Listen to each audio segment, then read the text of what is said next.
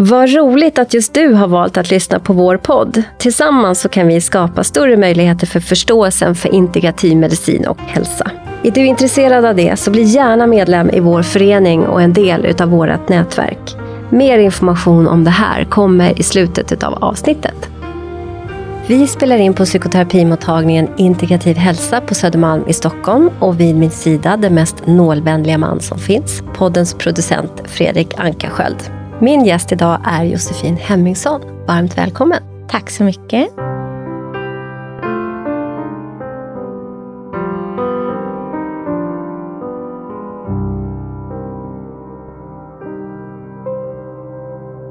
Josefin, du är legitimerad sjuksköterska, yin-yogalärare och utbildad inom traditionell kinesisk medicin och akupunktur. Som sjuksköterska så arbetar du idag deltid inom palliativ vård, så kallad avancerad sjukvård i hemmet, ASIH. Och inom kinesisk medicin har du specialiserat dig på fertilitet, kvinnohälsa, smärta och driver en akupunkturklinik i Sundbyberg sedan fem år tillbaka. Precis. Så när jag fördjupade mig kring dig inför det här avsnittet och samtalet som vi ska ha, så slog det mig att du, förutom så som jag ser dig som en integrativ sjuksköterska, kan man säga att du är det? Ja, absolut. Så har du liksom valt ytterligheter utav både liv och död och alternativ och allopatisk skolmedicinsk. Ja. Jag skulle gärna vilja att vi liksom direkt tar oss in i vad, hur, du, hur din väg blev till att bli en integrativ sjuksköterska. Så hur började det? Ja, eh, det började egentligen när jag var ganska ung tror jag. Jag har alltid varit intresserad av kroppen och liksom masserat mycket hemma på min mamma och mina syskon. Och jag höll på med hästar när jag var yngre och var väldigt tidigt intresserad av deras rörelsemönster och masserade och manipulerade mycket hästar. Och det blev liksom att till slut började jag behandla hästar och sen har jag alltid haft ett brinnande intresse för hälsa. Och sen halkade jag egentligen in på kinesisk medicin av en slump. När jag bodde i USA, då pluggade jag business på college och jag valde egentligen business mest för att jag behövde ett visum för att bo där. Och jag tyckte inte att det var jättespännande egentligen, men jag tänkte liksom att det är väl ett bra jobb. Och så hade jag själv ätit p-piller en period och valde att sluta med det och så fick jag inte tillbaka min mens. Och min första tanke då var liksom att jaha, vad är det som händer nu? Varför är den inte tillbaka? Och så var jag tillbaka i Sverige en vända och då besökte jag ungdomsmottagningen. Och jag kommer ihåg att den barnmorskan erbjöd mig att börja med p-piller igen, för då skulle jag få tillbaka min mens. Mm -hmm. Och då kände jag bara så här, jaha, men det är ju inte riktigt det jag vill. Men det var liksom det alternativet hon kunde ge mig. Och då kände jag att det är någonting som brister. Liksom, hur kan det vara det enda alternativet för mig? Och sen så åkte jag tillbaka till USA och så träffade jag en kvinna som heter Patricia och hon började behandla mig med akupunktur. Patricia var då terapeut inom precis, kinesisk medicin. Precis. Hon jobbar ja. med kinesisk T medicin. TCM kan vi säga att det kallas. Ja, precis. Ja. Mm. Och hon har jobbat med det i många år. Och hon kunde förklara för mig varför jag inte hade någon ägglossning och varför jag inte fick min mens och hade ett helt annat sätt att se på min kropp som jag aldrig hade hört talas om förut. Och då kände jag bara så men varför kan inte jag det här? Varför kan ingen i min närhet det här? Det här måste jag lära mig. Så då började jag läsa massa, massa böcker liksom vid sidan av mina andra studier. Och var ju mycket mer intresserad av kinesisk medicin och filosofi än vad jag var av business. Men jag pluggade ändå kvar på det där universitetet i två år och läste kinesisk medicin på sidan av. Men sen så kände jag att nej, jag måste lära mig det här och då flyttade jag tillbaka till Sverige och läste kinesisk medicin här i Sverige i tre år. Mm. Så det var liksom det var en början på den vägen men sen kände jag att jag var, hade behov av att lära mig det västerländska sättet också. Jag vet inte varför egentligen, men det var inte så att jag var ifrågasättande till något av det, men jag kände att jag ville ha ett brett synsätt när det kom till medicin. Jag vill inte utesluta någonting. Och då läste jag till sjuksköterska efteråt. Både och istället för antingen eller. Ja, precis. ja. Nej, men ja. Exakt så var det verkligen. Ja. Mm. Nej, men jag, jag har ju noterat, du och jag har ju träffats träffat varandra tidigare mm. hos en gemensam vän, Malou, som ja. är yogalärare och har ju sin yogastudio och eh, fantastiska utbildningar och sådär, där du var en del. Det var ju så vi kom i kontakt. Du hade undervisningen i kinesisk medicin på hennes yin-yoga yogautbildning. Precis. Som jag gick. Och, eh, eh, men bort, bortom det så vet jag att du är ju sjuksköterska utbildad på Sofiahemmet. Ja. Det är jag också. Ja. Jag, eh, jag vet inte, är ASIH ditt första jobb som sjuksköterska? ja, det är det. Ja, det var det inte riktigt. Jag var på akutgeriatriken först, men sen var jag på ASIH. Och eh, du är intresserad utav kinesisk medicin. Det är jag också. Och alternativ medicin kan man väl säga, som breddar, skulle jag vilja lägga till. Alltså både och istället för antingen eller. Det finns liksom det finns ett djup, det finns en bredd och ett djup om man låter sig tänka utanför boxen i ett väst, västerländskt land. Ja, precis. Mm. Så när vi startade den här podden, intentionen med podden var att bredda och förmedla liksom mer kunskap om ett integrativt perspektiv på hälsa och sjukvård. Och de flesta som har varit med i den här podden, inklusive jag själv, har ju en egen berättelse, precis som det du säger, det här med p-piller. Man har liksom en ingång till där den allopatiska skolmedicinen inte räcker till. Utan, ja. Och så får man liksom söka sig vidare. Nu träffade du Patricia, för mig, för mig själv så kom jag i kontakt med funktionsmedicinen först och, så, och fick hjälp där. Och så förstår man att ja, men det finns en hel del kunskap utanför den traditionella hälso och sjukvården, men man behöver leta, leta sig dit själv. Ja. Och det gör man ju oftast då om man har möjlighet och får kunskapen men har liksom motivationen att bli frisk. Mm. Eh, och kanske inte alltid accepterar en, en enbart symptomatisk behandling om det är det som man blir erbjuden. Så att du berättade om det här med, med eh, din, dina p-piller, din, din liksom svårigheten att få tillbaka din mens. Jag tänker att du fick det. Ja, det tog en ja. månad ja. Eh, med akupunktur. Mm. Och det, då hade det gått ett år utan. Ja, jag har nästan en liknande berättelse efter jag hade fått mitt tredje barn och det hade varit väldigt mycket stress. Eh, och då gick jag i ett centrum här i närheten av Stockholm. Och då hade de precis startat upp en kinesisk medicinsk mottagning. Mm. Det här är alltså, ja, vad kan det vara, 2009? Så det är ju länge sedan. Eh, och det här konceptet försvann, men då, då flög man in kinesiska läkare från Kina, så var de här och jobbade i en, två månader. Och så tänkte jag så här, äh, men jag fick sån intuition att jag skulle gå in där och så gjorde jag det. Och eh, träffade en kinesisk läkare där det fanns en tolk. Och hon gjorde ju allt det här som du ska få berätta vad ni gör. Men det tog också mig, hon sa så här att om du gör allting jag säger så tar det en månad så har du tillbaka din mens. Och precis exakt en månad efter hade jag tillbaka min mens. För jag gjorde allting som hon sa. Så det, är ju, det är ju väldigt, väldigt spännande. Så med det sagt, berätta. Du har specialiserat dig på eh, fertilitet, Ja. mensrubbningar och smärta. Mm. Berätta, hur jobbar du som kinesisk medicinsk terapeut? Jag kom in på det först för att jag hade en praktik, eller jag var i Spanien i sex månader hos en kvinna som samarbetar med en väldigt stor IVF-klinik som ligger i Valencia. Och där hade hon bara fertilitetspatienter. Så dels så fick jag en, från början en väldigt bred bild och tydlig bild av hur det faktiskt fungerar. För jag hade hört talas om att man kunde behandla eh, fertilitetsbesvär med TCM, men jag förstod inte riktigt på vilket sätt. Men där såg jag hur otroligt effektivt det var. Och att det användes så flitigt där, det var liksom en självklarhet. Att de eh, kvinnorna som skulle göra IVF, de gjorde akupunktur i samband med behandlingen. Och här så jobbar jag både med kvinnor som försöker bli gravida på naturlig väg och att det kanske inte går. Och kvinnor som går igenom IVF eller andra fertilitetsbehandlingar. Och det börjar oftast med att jag blir kontaktad på ett eller annat sätt, att någon bokar en tid eh, och berättar om sina besvär. Att det kanske, antingen så kan det, det finns ju många olika orsaker till du har problem att bli gravid. Det kan vara att du har, inte kan identifiera din ägglossning eller att du kanske har en PCO eller PCOS-diagnos eller endometrios. Vill du eh, säga vad står de här förkortningarna för? Eh, PCO och PCOS är polycystiskt ovariesyndrom. Att man har problem med cystor på äggstockarna. Och endometrios är en, en diagnos där eh, livmoderslemhinnans vävnad liksom växer ut i kroppen. Så att man får endometrieceller som sprider sig i buken. Och de eh, diagnoserna kan försvåra just eh, fertiliteten, men det är absolut ingenting som behöver vara kroniskt. Men många av de kvinnor som kommer till mig är väldigt förtvivlade och tänker att liksom, nu är jag infertil. För det är också den diagnosen som du får eh, här i Sverige om du, har, om du är under 35 år och har försökt få barn i ett år så får man diagnos oförklarlig infertilitet. Och det är en ganska kraftig diagnos, Mm. tycker jag. Mm. För det behöver inte säga någonting om varför det inte går. Det bara kanske det, det, kan finnas många olika orsaker till varför det inte går. Um, så att många är väldigt ledsna, så det är mycket sorg och sådär. Men sen så får jag liksom börja mitt sökande i att förstå vad är grundorsaken till varför det inte går för just dig. Och, och hur då, kan det se ut då? Har du någon patientberättelse du kan berätta? Och jag har så många. Ja. Men till att börja med så är det alltid en lång utfrågning. Lång anamnes. Väldigt tänker. lång. Mm. Hur mår du idag? Hur mådde du när du var barn?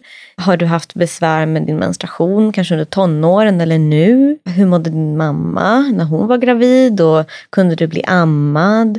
Har du några känsligheter mot något du äter? Hur äter du? Hur sover du? Eh, hur fungerar din mage? Har du problem med migrän? Jag tittar väldigt mycket på hur det ser ut i ögonen och huden och håret och sådär. Det finns otroligt inf mycket information att hämta. Och sen självklart så låter jag kvinnan berätta liksom om vad som besvärar. Det kanske är så att allting är normalt och alla prover är normala och psyken är normal men det går ändå inte. Då är det ju ett utgångsläge. Eller så kanske det är så att man har just en PCO-diagnos och har väldigt oregelbunden cykel och då är ju mitt fokus att få cykeln att bli regelbunden till att börja med. Just det. Behandlar du män? Ja, det gör jag. Men jag har mest kvinnor på kliniken. Mm. Men eh, det ska man inte liksom ta ifrån att eh, det är oftast kvinnan som tycker sig själv vara den största bördan till varför det inte går.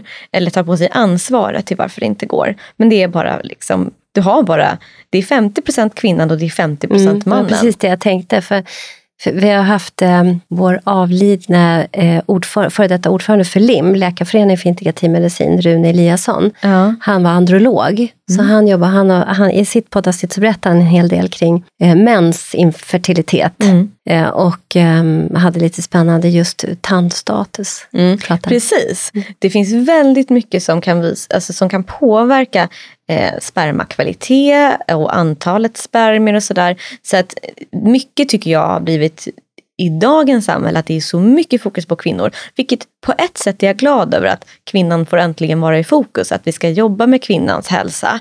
Men det är inte bara på grund av kvinnan som det inte blir ett barn. Det kan lika gärna vara mannen. Ja, så är det ju verkligen. Ja, men ändå är det alltid kvinnan som söker. Mm. Och sen kanske om jag har lite tur så får jag med mig och, och behandla mannen också. Mm.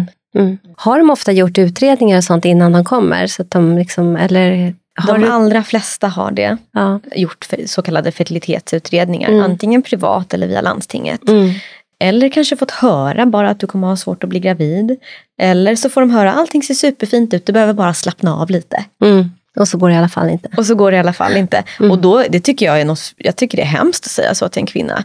Du är bara stressad eller du behöver bara slappna av. För, för det första så skuldbelägger ju det hela kvinnan. Att mm. så här, mm. det är ditt fel att det inte går för du kan inte slappna av. Mm. Och för det andra så är det liksom, vad är det för diagnos? Det, jag tycker inte det är professionellt nej, det att säga så. Nej, det tycker faktiskt inte jag heller. Och om man nu ska säga det, då får man också ge, till exempel jag som är, har läst vidare till psykoterapeut, då får man ju ge en remiss till en psykoterapeut till exempel, eller en psykolog, som ja. får se varför man har så hög stressbelastning, om man nu har, det, har kommit fram till att det är det som är... Liksom, man kan ju inte bara lämna en människa med det, för att det är ju, apropå ett integrativt synsätt, så mm. är ju psykosoma, alltså det är klart att psyket, att det kan vara en stor orsak till att vi är stressade, men varför är vi det då? Ja, då måste precis. vi ju liksom ge hjälp för det. Mm. Och det kan jag tycka att det, det gör man inte alltid. Nej, jag skulle säga ganska sällan. Ja.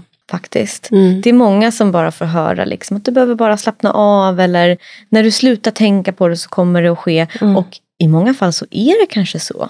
Jag, det är inte ovanligt att kvinnor som precis när de ska börja med sin IVF, börja med sprutorna, då blir de gravida. För då mm. tänker de att det kommer ändå inte gå. Mm. Eller att liksom det, det, sådana saker och ting händer ju. Men att lägga det ansvaret på någon mm. tycker jag är, det, jag tycker inte att det är riktigt schysst.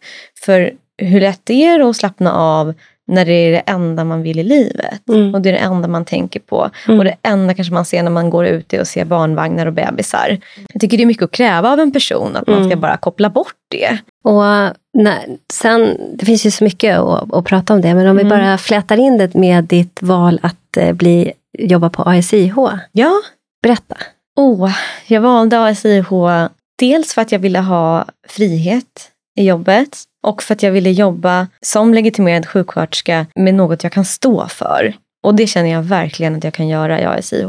Jag har gott om tid med mina patienter. Jag har tid att planera innan. Och som du vet så har man alltid en patient åt gången. Det är oftast ingen stress. Det känns som att det blir betydligt mer personcentrerat än vad jag upplevde att det var på sjukhus. Mm. Och något som jag också tycker om med ASIH är att jag har upplevt att när man är på sjukhus så finns det en, du är som i en auktoritet som sjuksköterska, du har makt över din patient. Rent praktiskt så har du ju makt över din patient. Men det blir också så, liksom, patienten kanske ligger i sängen och du går omkring och det blir liksom en, en nivåskillnad som jag inte vill vara i.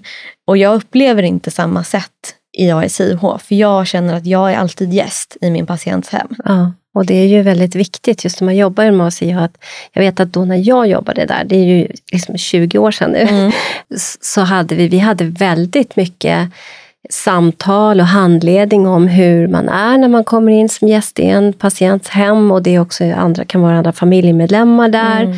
Hur man liksom, ja men, pejsar familj och patient. Och jag, jag kan förstå det, man, om, som du pratar om på sjukhus, man är också oftast står upp och tittar ner på sin patient. Ja, precis. Det blir ju sällan så, det kan ju bli så. Och blir ju så till slut, Mm. eftersom ASI ju ändå handlar väldigt mycket om palliativ vård, eller vård i livets slutskede, så, så blir det så. Men då har man i regel, om inte patienten har kort tid när den blir inskriven i palliativ vård, en relation ja, på ett helt annat sätt. ja. Det krävs ju fingerfärdighet och en, jag, jag tänker att det krävs en stor kunskap om sig själv när man jobbar så, på Det många sätt. Mm. Och det är väldigt utvecklande att möta Mm. människor på det sättet. Ja, jag håller med. Jag känner att jag är jättetacksam för mitt jobb. Otroligt tacksam att jag får vara en del av de här patienternas liv och att jag kan få vårda in i livets slut för det, det som vill eh, dö hemma. Mm. Att den möjligheten finns. Mm. Att, eh, att jag får vara en del av småbarn som kanske springer omkring eller deras hundar och tittar på fotografier och blir inbjuden. Det känns för mig också som ett mer värdigt sätt att få vård på när man inte har så lång tid kvar i livet.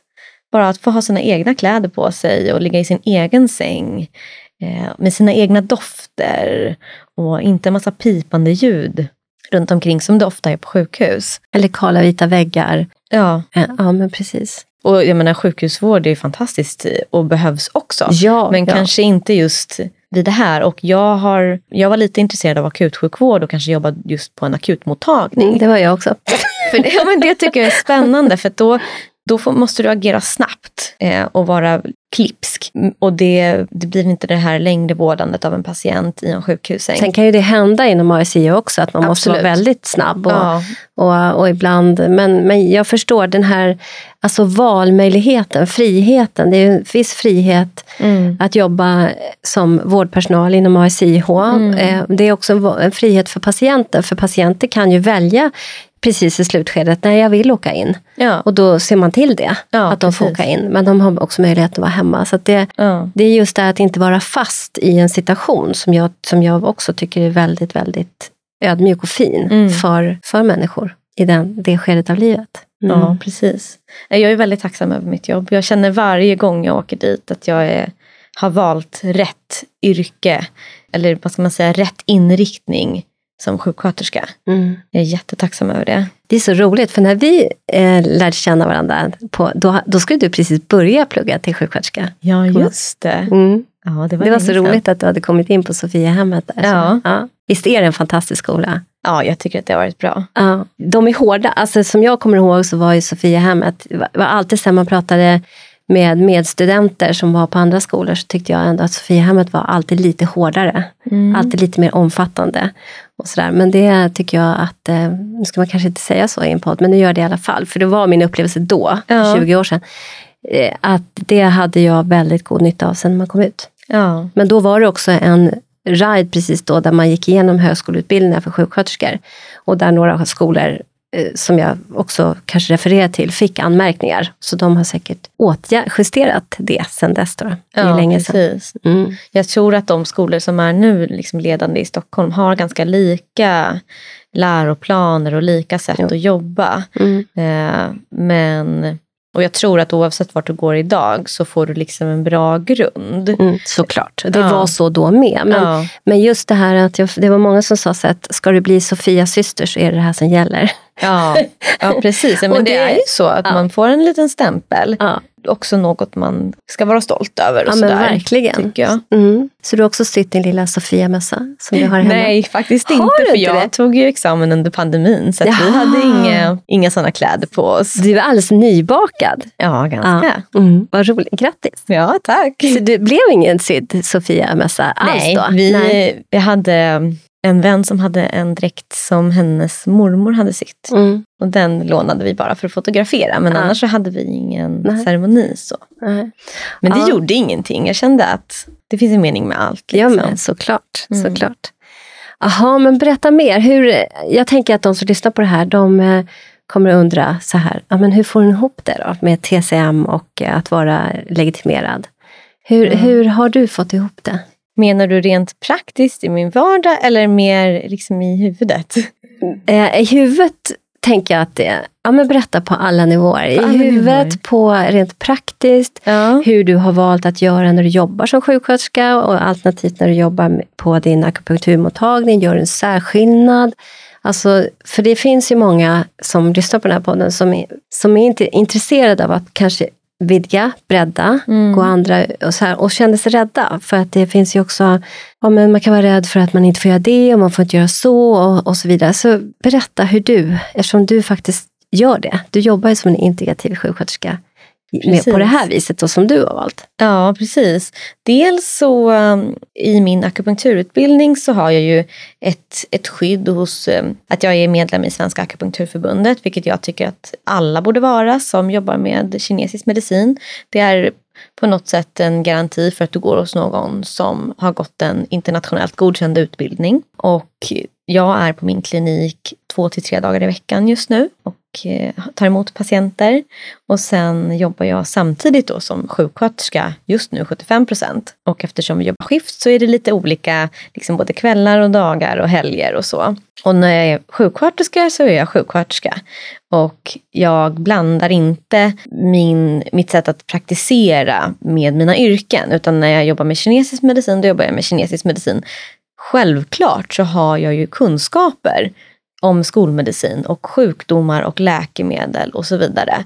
Men det är ingen, jag ger inga medicinska råd på min akupunkturklinik utan då arbetar jag utifrån ett kinesiskt synsätt. Mm. Och när jag är sjuksköterska så jobbar jag utifrån ett västerländskt synsätt och ger inga råd utifrån kinesisk medicin eftersom de inte Just nu i Sverige så är det svårt att, att samarbeta på det viset, även om det kanske skulle kunna vara min dröm. Mm. Men självklart så har jag ju ett synsätt inom mig där jag kan se saker utifrån olika perspektiv. Och mycket hur man ser på människan och hur man ser på sjukdom och sådär. Eh, Och det är väl mer ett holistiskt sätt skulle jag säga om man ska säga det rent generellt. så. Men där jag jobbar också så har jag faktiskt en fantastisk chef som är väldigt intresserad av akupunktur. För akupunktur är ju ändå godkänt. Akupunktur är Det, godkänt. det, ham- det får man ju använda och det finns ju utbildningar på KI till Absolut. exempel och så för, för Ja. vårdpersonal. Så ja. får du använda det? ja, det får Ja. jag. Mm. Det får jag. Mm. Eh, jag har inte börjat med det ännu. För att jag känner att jag vill liksom hitta min, en stabil grund som sjuksköterska innan jag flätar in det. Mm. Eh, men jag får om jag vill. Och det är liksom på tapeten att vi ska erbjuda våra patienter akupunktur. Framförallt för smärta och illamående. Och eh, jag tror att det kommer vara fantastiskt. Mm. Jag, när jag gick på den här yin-yoga-utbildningen som du undervisade på, så ha- var jag med en, om en händelse som jag nämnde här innan vårt samtal. Ja, här, där jag blev jätteskakad. Jag hade, det hände en sak på morgonen när jag kom dit. Jag kom dit lite sent och jag var jätte, jättestressad. Och då satte du några nålar på mig för att jag skulle få komma ner. Och det var verkligen så här, alltså jag, kommer, jag tänker på det rätt ofta faktiskt. Ja, att, roligt. Fasiken, alltså, jag skulle vilja ha Josefin Ja. sätta en nål på mig nu. För det var verkligen, alltså det tog från ena sticket till den andra så var jag kavlugn. Ja. Det var så imponerande. Men det är otroligt kraftfullt med akupunktur. Det är Om man kommer till rätt. För jag har varit hos dem som man verkligen Absolut. absolut. ingenting hos också. Så är det. Man ska gå till någon som vet vad, vad de gör. Mm. Men det är ett jättekraftfullt sätt att få kroppen att automatiskt hamna i parasympatiska nervsystemet. Mm. Så från att du är i sympatiska hela tiden med stresspåslag till att liksom bara switcha om. Och det kan gå på bara några minuter. Och det är det som jag känner är så effektivt. Och det är en, en av de stora orsakerna, tror jag, till att akupunktur kan ha så bra resultat. För att kroppen återhämtar sig och vi lever idag i kronisk stress. Alla jag träffar är kroniskt stressade. Och det spelar ingen roll om jag träffar dem på min akupunkturklinik eller om det är patienter i palliativ vård. För då patienterna har sin stress. Stress kanske för att bli friska, stress för att inte lämna saker bakom sig när man avlider. Hur ska det gå för mina barn? Hur ska det gå för min eh, partner? Vad ska hända med huset? Det är liksom mycket tankar hela tiden. Eh, så att jag tror att det, det spelar liksom ingen roll i vilket yrke jag är så ser man samma problem. Så att hade jag fått arbeta mer integrativt som jag hade önskat så hade jag kunnat använda min akupunkturutbildning och min kunskap på ett mer kraftfullt sätt även i den vården. Istället för att kanske ta en Oxascand Mm, en det. gång. Mm. Och det är inte, jag, jag säger inte att ta läkemedel är fel och Nej. det är otroligt effektivt. Och jag är väldigt tacksam för sättet vi ser på medicinering inom palliativ vård, att det handlar om bara lindra lidande. Men för en del så kan det ju komma med många biverkningar som kanske inte hade tillkommit om du hade fått akupunktur istället. Mm, just det. Så är det ju verkligen. Ap- Apropå att det kan många gånger handla om smärta. Och vi vet ju att en smärtlindring som vi oftast använder kan göra att tarmarna går långsammare, blir förstoppningar, illamående. Som de kanske redan har och så vidare. Så att det finns ju mycket att vinna på när det gäller de bitarna. Absolut. Och, och just att akupunktur ändå är godkänt i... Ja men, jag själv fick akupunktur när jag skulle föda barn till exempel. Och, och, eh, och jag har eh, lyssnat på Klimakteriepodden till exempel. Där har man kunnat använda det för olika klimakteriebesvär och ja, men sådär. Så att det finns ju liksom i stort och i, i smått att kunna använda det och flätta in det. Så det kanske är någonting du kan göra på sikt. ja, just det. absolut. Ja. Och kanske, eh, för det ligger nog i, långt borta. Jag vet i USA finns det väl sjukhus idag och även i Tyskland där man får jobba med både kinesisk medicin på traditionella sjukhus. Eller? Ja, det- absolut. Ja. Det gör det.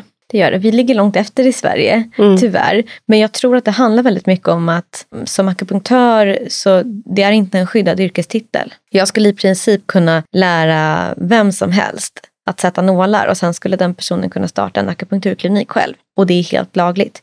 Vilket för mig är helt obegripligt hur det Ja, kan vara verkligen. så. Mm. Och Svenska akupunkturförbundet kämpar hela tiden för att det ska bli en skyddad yrkestitel. Att du ska vara legitimerad. Att det, att det ska vara olagligt att jobba med akupunktur om du inte har den utbildningen. Men av någon anledning så är det väldigt svårt att få ge- igenom Ja, det där är väldigt intressant, för det är samma sak med vissa skön, alltså om man tar det helt i en annan ram utav botox och sådana saker. Att det, det är ju också, jag vet inte om det är reglerat nu, för det var... Nu är det reglerat. Det är reglerat, ja, Från det jag jag förra pratar året. Om. Ja, okej. ja, men det, är precis, det är Ja. väldigt nyligen. Att nästan vem som helst kunde ge eh, injektioner för ja, men botox, filler Ja. och så vidare. Och där det har ju varit människor som har blivit alltså, förstörda för livet. Ja. Så det är verkligen intressant att det där ligger så efter. Men det är väl så, det, det uppkommer någonting nytt och så. Men akupunktur har ju funnits i minst 5000 år, eller Ja, hur länge det vet är ju du väldigt gammal medicin så det är ju ingenting nytt. Nej. Och det tycker jag också är intressant att beroende på vem man träffar inom skolmedicinen så jag har fått höra allt möjligt. Att det finns ingen evidens på att akupunktur fungerar eller det finns ingen forskning alls om att du kan använda akupunktur mot förstoppning till exempel. Men då har man inte läst den forskningen som finns. Alla inom medicin som har tillgång till PubMed kan på bara några sekunder söka på akupunktur i samband med smärta eller obstipation eller illamående och hitta tusentals artiklar på att det fungerar. Och det gör mig ganska provocerad att man inte läser den forskningen som finns. Det där brukar jag ta upp överallt och många gånger i den här podden. Att när vi är legitimerade så har vi ju liksom svurit på att inom vår legitimation så ska vi sätta oss, vi ska ha reda på de, den senaste forskningen kring vad vi än jobbar med. Och, och det är liksom ålagt oss att göra. Men jag vet faktiskt, att det är extremt få kollegor som faktiskt gör det.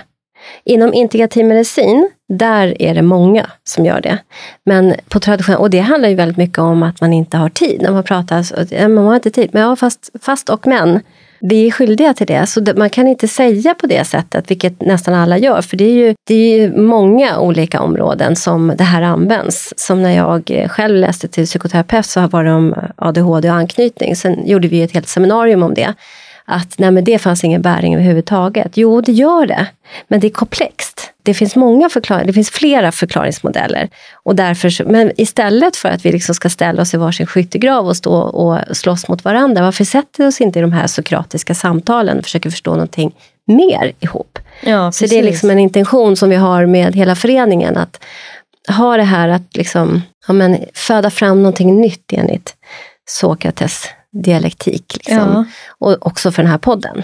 Precis, men, och jag tänker i vilket annat yrke som helst. Eh, om du jobbar med IT till exempel och har jobbat med IT i 20 år så är du ju liksom skyldig att lära dig den nya softwaren som finns på datorn. Ja. Men varför liksom implementeras inte det i medicinen? Om du har jobbat som läkare i 20 år så har det hänt så mycket, mycket med forskningen. Men varför är inte du skyldig att läsa den då? Det är jättekonstigt Vi är ju skyldiga. Vi är jo, ju skyldiga. Men, men, ja, det, men det händer inte. inte. Men vi är skyldiga och det är det som jag...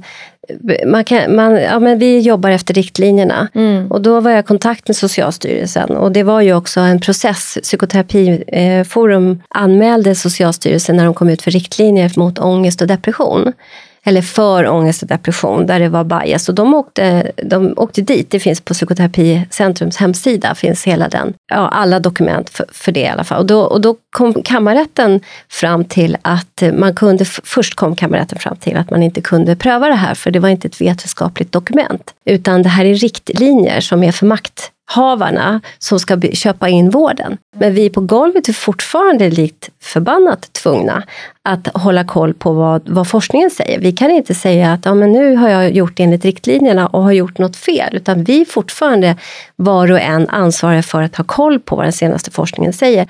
Och det är ju en social konstruktion som vi intutade i, att vi måste hålla oss till riktlinjer. Ja, men såklart ska man hålla sig till det som en, en arbetsplats har kommit fram till och att man liksom, nu har jag valt att jobba här och man jobbar efter det. Men vi har fortfarande skyldighet att hålla koll på forskningen. Och det tror jag inte att så många har koll på. Nej, det tror inte jag heller. Och det är ju en fråga som måste komma högre upp för att det ska kunna förändras. Men jag kan inte, bara ur mitt perspektiv personligen, så kan jag inte begripa hur, eller syftet med att utesluta någonting som inte kommer göra någonting värre. Som inte skadar. Som inte skadar. Eh, och, som det kanske, och som det finns många som kan eh, berätta, oavsett om det är anekdoter, alltså, men det här har hjälpt för mig och det hjälpte för min mamma och sådär. Varför är inte det av värde då? Bara för att det inte finns ur en svensk forskningsrapport. Mm. För att det ska kunna ske i Sverige så måste ju också någon bekosta den forskningen i Sverige. Och det är inte kanske alla som vill göra det. Så det finns jättemycket eh, bromsklossar. Ja. Men jag tror att skulle akupunktör, eller vad ska man kalla det för, TCM-utövare, vara en skyddad yrkestitel i Sverige, då skulle det vara mycket lättare att integrera medicinerna. För då skulle det finnas en tillit till kunskapen. Att här har den här personen den här legitimationen. Vi vet att det är, eh, håller en viss nivå. Som det är i andra länder. Du behöver ett licens för att få jobba med akupunktur. Men det behöver du inte i Sverige, vilket för mig är helt livsfarligt. Mm. Jag kan inte förstå hur det så kan vara så 2022. Mm. Nej, Nej det, åren går. Liksom, och åren det, går. Ja, och det är faktiskt märkligt. Särskilt de som är kritiska mot akupunktur. Att det borde ju finnas liksom en önskan från alla håll att man säkerställer utbildningen. Precis. Tänker jag. Om man, om, för det är ju det legitimationen handlar om, precis som du sa alldeles nyss. Att, att det, det, är, det är en granskad utbildning där man har kommit fram till att den håller den standard som, som man behöver kunna för att utöva ett visst yrke och så blir man legitimerad ja. för att man har gått den. Så att hur, vi kan skicka ut att vi önskar det. Ja, verkligen. Ja, vi kämpar jättehårt i Svenska akupunkturförbundet för det. Mm. Och ju mer patientberättelser vi kan få, patienter som berättar om hur har du blivit hjälpt av akupunktur, all information som kan samlas kommer att göra det lättare för förbundet att få igenom de här frågorna. Så är det så att någon av era lyssnare har blivit hjälpt av akupunktur får man jättegärna skriva och berätta hur och vem man har gått till och mejla till dem. Mm. Det kommer verkligen att hjälpa till att integrera medicinerna. Mm. Är Akupunkturförbundet ett, en instans man också kan höra av sig till om man inte har blivit hjälpt eller om man har upplevt sig liksom blivit skadad eller, Absolut. och vem det är? För att jag tänker det är också viktigt att för kvalitet och säkerhet Ja. att det finns, okej, Absolut. ja men vad bra, det är ju jättebra. Jaha, så fertilitet och palliativ vård, vård i livets slutskede. Varför de ytterligheterna? Jag vet inte om jag ska vara helt ärlig. Jag har alltid liksom brytt mig om kvinnor och kvinnoproblem. Dels för att jag tycker att det saknas så mycket kunskap i Sverige. Den kunskapen som finns hos den allopatiska vården tycker jag är bristande. Kanske dels på grund av det jag nämnde innan, att vi inte läser den nyaste forskningen. Och jag är trött på att det nästan alltid är kvinnan som blir utsatt. Och framförallt när de hamnar i den här fertilitets härvan, att det är svårt att bli gravid eller förlossningsskador eller man kanske har ätit p-piller i väldigt många år som behandling mot mensvärk till exempel istället för att behandla mensvärk på annat vis. Det gör mig väldigt frustrerad. P-piller är fantastiskt för att undvika graviditet om, om du vill ha det och det är det som är syftet. Men jag anser inte att det borde vara en behandling mot PMS eller menstruationsbesvär eftersom det går att behandla på annat sätt. Vad gör du då när du får en kvinna med, eller hur tänker du utifrån ett kinesiskt perspektiv, kinesiskt medicinskt perspektiv för en kvinna som söker för eh, mensrubbningar till exempel? Det finns många olika orsaker till vad det kan bero på. Men i kinesisk medicin pratar man ofta om tre liksom, grundstenar och det är om du har tillräckligt med qi, tillräckligt med blod, eh, tillräckligt med yin och yang. Och då får du förklara vad qi är för de som lyssnar. Qi är livsenergi och det finns många olika typer av qi. Eh, det finns qi som är specificerade till eh, vissa organ. Det finns eh, qi som ska skydda oss från att bli sjuka. Det finns qi som du är född med som minskar hela tiden under ditt liv. Det finns qi som energi, så att det finns mycket. Det är ett väldigt brett begrepp. Och kineserna är inte alls specifika med sina förklaringar i saker. Utan allting kan ses på ett eller annat sätt. Precis, och allting kan vara yin eller yang. Så till exempel ett, ett glas med vatten kan man diskutera huruvida det är yin eller yang. Det kanske är yang för att det är högt, eh, men det är yin för att det är vätska i. Men det, och så att det, det, allting går liksom att vända på. Så att det blir, därför blir det väldigt komplext att beskriva kinesisk medicin. Men Och det är också väldigt filosofiskt. otroligt? Man- filosofiskt. Så jag, när jag har haft att göra, eller man ska säga, Mm. för att ha något övergripande med kines, så är det väldigt filosofiskt, vackert på Ja. det sättet. Men, så då, det i sig är svårt om man, inte, om man är mer kanske naturorienterad, strikt naturorienterad, Ja. så kan det vara svårt att ta det, ta det till sig för att det också är filosofiskt. Ja, Men, men förlåt, jag avbröt dig. Nej, det gör Mm. ingenting. Men det är liksom det som gör att det går aldrig att säga det är bara det här. Utan allting beror på. Liksom, vad, vad kan jag göra för att främja min fertilitet? Ja, det beror på. Jag har väldigt många kvinnor som skriver till mig och berättar om sina problem och så här, vad ska jag göra? Och jag kan inte säga bara du ska göra det här, du ska göra det här. För det första vill jag personligen inte jobba så. Jag vill inte säga åt dig vad du ska göra. Jag kan rekommendera dig saker som jag av erfarenhet vet har fungerat för en del, men det är inte säkert att det fungerar för dig. Jag vill inte ha en dominant roll med mina patienter i något av mina yrken. Jag vill liksom finnas där för att, som en kunskapsbank. Att det här kan hjälpa och om du gör så här och så här och så här så finns det möjligheter att din cykel förändras. Men jag ger inga garantier på att liksom, gör som jag säger så kommer du bli gravid. Det är inte mitt sätt att jobba och det vet alla mina patienter om att det är inte jag gillar inte att jobba efter den filosofin. Jag har ett betydligt mjukare sätt. Och jag tror att för att knyta ihop säcken lite, att både jobba med, med liv och jobba med död, måste du ha den filosofin, enligt mig. Det är två väldigt sköra delar i livet. Att försöka skaffa barn när, när det är det enda man vill och att vara i livets slut och inte ha någonting kvar. Eh, eller, och kanske liksom tänka att man borde ha gjort saker och ting annorlunda eller när allting kommer till sin spets så handlar ju allting bara om att bli accepterad och älskad. Och i kvinnor som har problem med fertilitet så tror jag att det ligger väldigt mycket prestation i det. Hur ska, jag, hur ska min man kunna älska mig om inte vi får barn? Hur ska alla andra se på mig?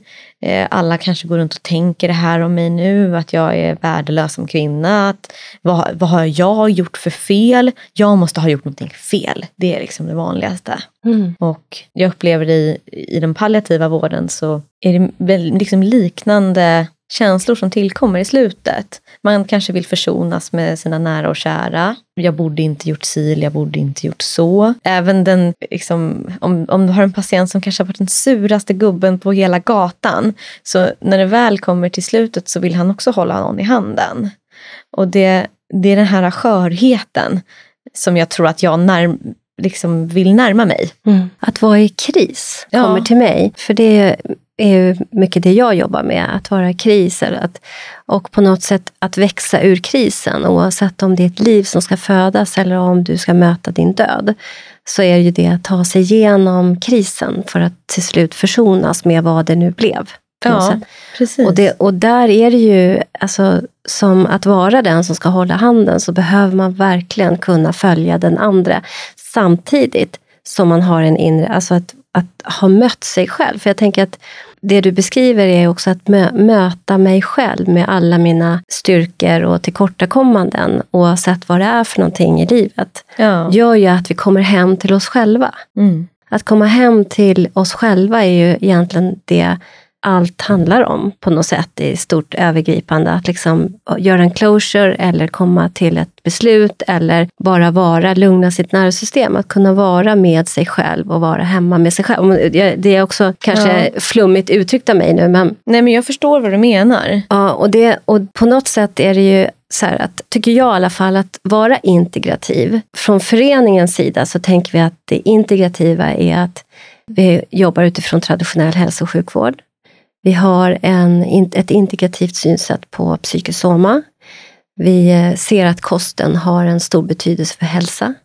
Vi ser att fysisk aktivitet har en stor betydelse för hälsa och att det existentiella slash filosofiska, eftersom det är det vi har pratat om idag också, har liksom, är övergripande alla de andra fyra benen på något sätt. Ja. Eh, och där tänker jag att också psykologin kommer in eh, väldigt starkt. För det handlar ju också om att växa ur någonting, att förstå någonting, inte bli fast i krisen, i kaoset, i traumat eller vad det kan vara. För någonting. Och för oss som är integrativa har liksom mött det här, apropå att du berättade om din väg in, så har vi förhoppningsvis kommit dit själva och då kan vi vara den som håller handen. Ja. Och på något sätt leder eller ledsagar eller håller space eller vad vi nu behöver göra i vilken ram som helst ja. för den som behöver. Jag har också känt att jag, jag klarar inte av att inte ta reda på saker. När det kommer till kvinnoproblematik till exempel så finns det så mycket forskning, det finns så mycket böcker, det finns så otroligt mycket du kan göra för att påverka din menstruationscykel eller din äggkvalitet och så vidare. Men många av mina patienter får ofta höra att det finns ingenting du kan göra. Och det gör mig jättefrustrerad när det finns massor du kan göra. All lösning är inte alltid IVF, mm. även om IVF är fantastiskt. Och det är så många kvinnor som blir gravida på den vägen.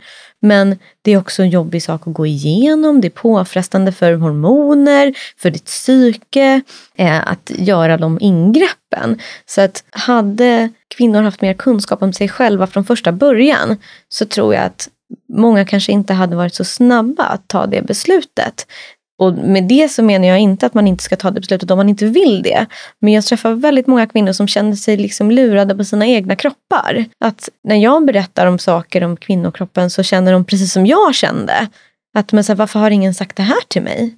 Nu har jag ju hållit på här i sex år och försökt bli gravid men ingen har någonsin sagt att jag kan påverka min äggkvalitet till exempel. I den kinesiska medicinen så för det första så hänger kroppen och hjärnan har ingen separation överhuvudtaget. Eh, så, att man, så att det skiljer sig väldigt mycket från det västerländska. Att hjärnan är, är liksom en sak, kroppen är en annan sak. I, I västerländsk medicin upplever jag att det finns ett synsätt att organen är separerade, liksom att magen har sin funktion, levern har sin funktion, njurarna har sin funktion. I kinesisk medicin är det precis tvärtom.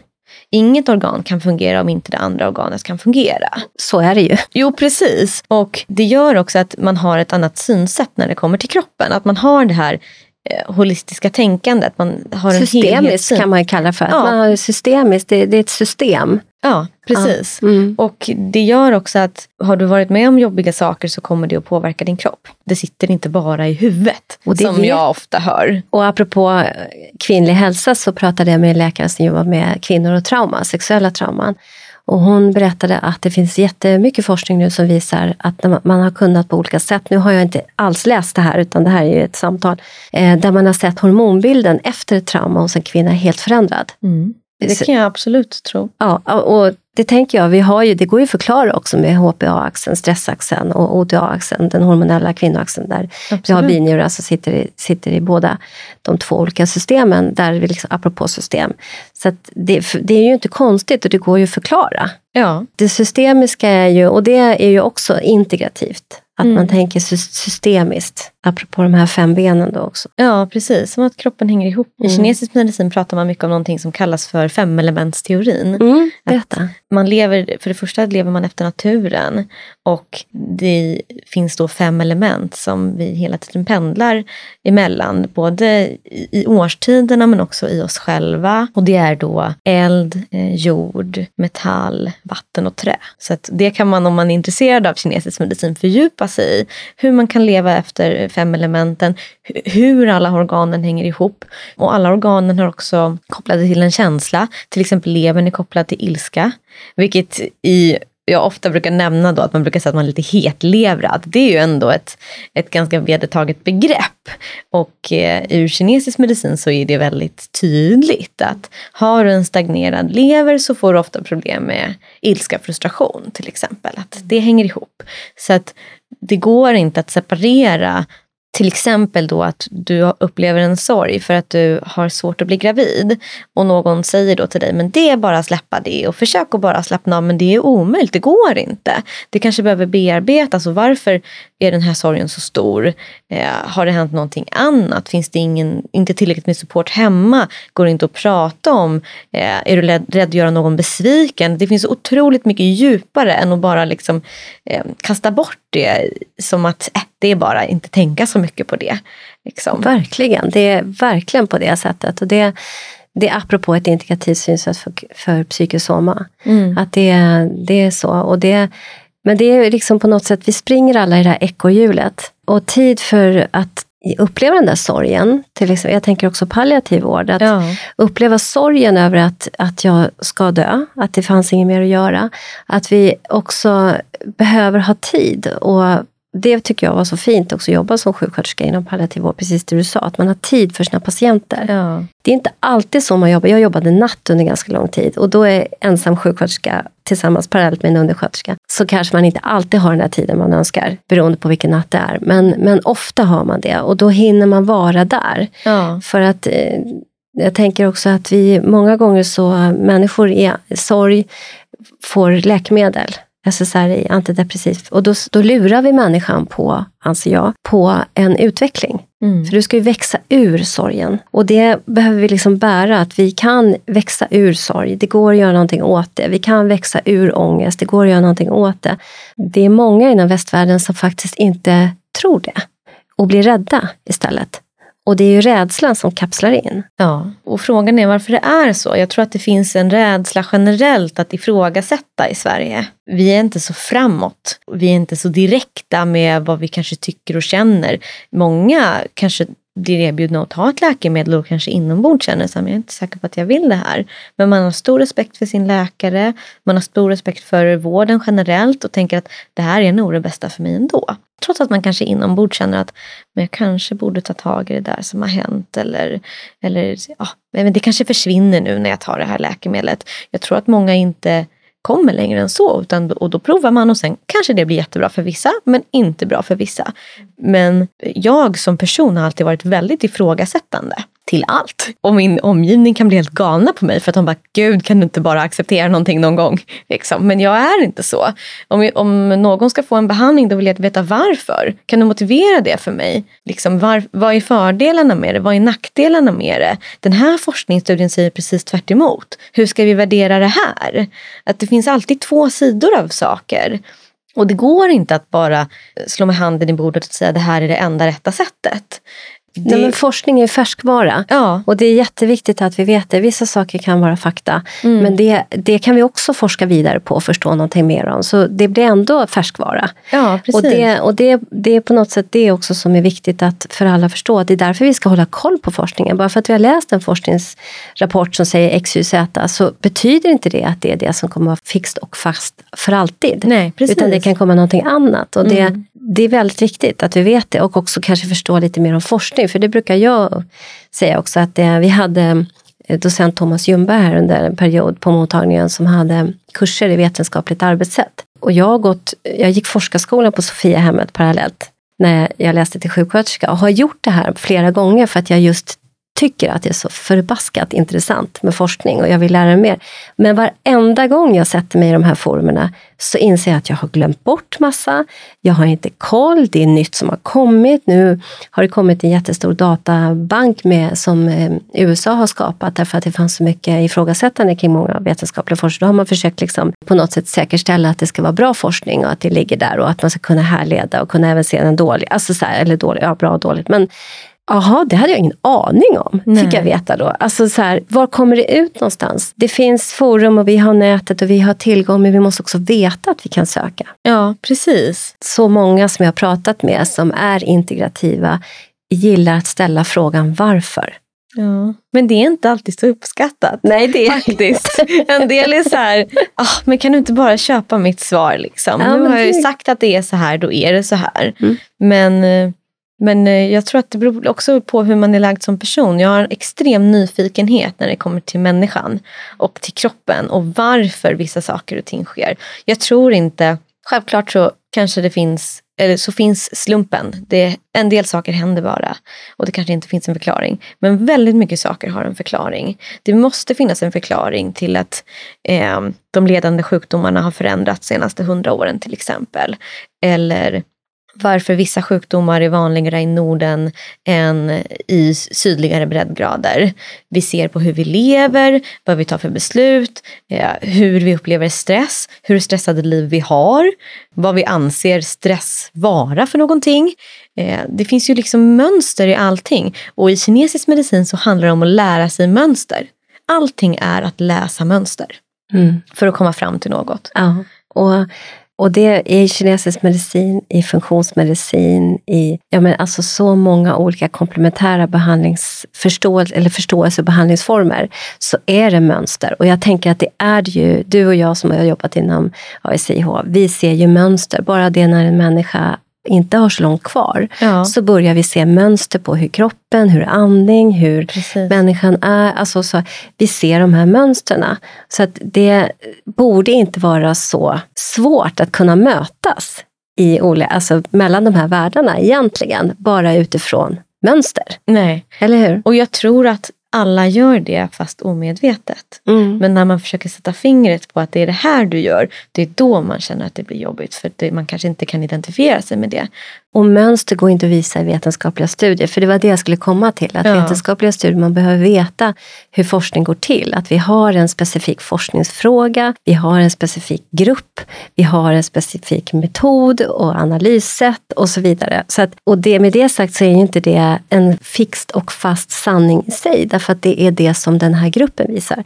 Sen har vi ju då RCT-studier som där vi ska ha kunnat gjort om det här och kunna sett samma på olika grupper. Och absolut, då är det ju en, en större säkerhet med.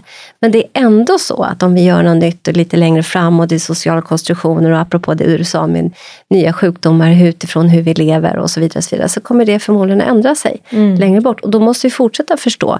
Och då behöver vi våga ställa frågan varför. Ja, precis. Josefin hade kunnat suttit här hur länge som helst, Ja. men vår tid börjar lida mot sitt slut. Så innan vi avslutar så vill jag bara fråga dig om det är någonting som du känner att vi inte har berört och som ändå är viktigt för våra lyssnare att få höra. Jag tycker att alla ska läsa kinesisk medicin. Vi behöver fler som kan det, verkligen. Och eh, nu kanske många av era lyssnare redan jobbar inom vården. Men annars, börja jobba inom vården. Det är fantastiskt att jobba med människor. Och det finns så mycket att lära. Och är man inte redan nyfiken nu på att lära sig mer och vara liksom aktuell med den nyaste forskningen, så försök att bli det. För du kommer inse att det finns så mycket som du inte vet. Så det det skulle jag vilja säga. Om man behöver, känner sig nyfiken på det här och vill söka dig, var hittar man dig? Ja, jag har en Instagram-sida eh, som heter Akupunkturhjälpen. Eh, mitt företag heter Akupunkturhjälpen Stockholm. Jag har även en hemsida. Eller så kan man mejla mig på info.akupunkturhjälpen.se. Jag svarar alltid. Josefin, stort varmt tack för att du ville komma och ge oss av din tid i det här poddavsnittet. Tack för att jag fick vara med.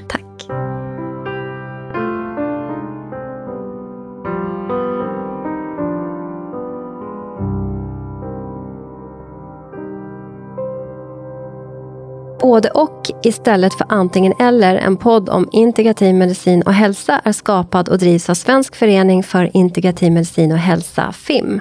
FIM är ursprungligen en yrkesförening för legitimerad vårdpersonal. Vi representerar sjuksköterskor, dietister, fysioterapeuter, läkare, psykoterapeuter, psykologer, tandläkare för att nämna några. Idag omfattas våra medlemmar även av associerade medlemmar som inte behöver vara legitimerade.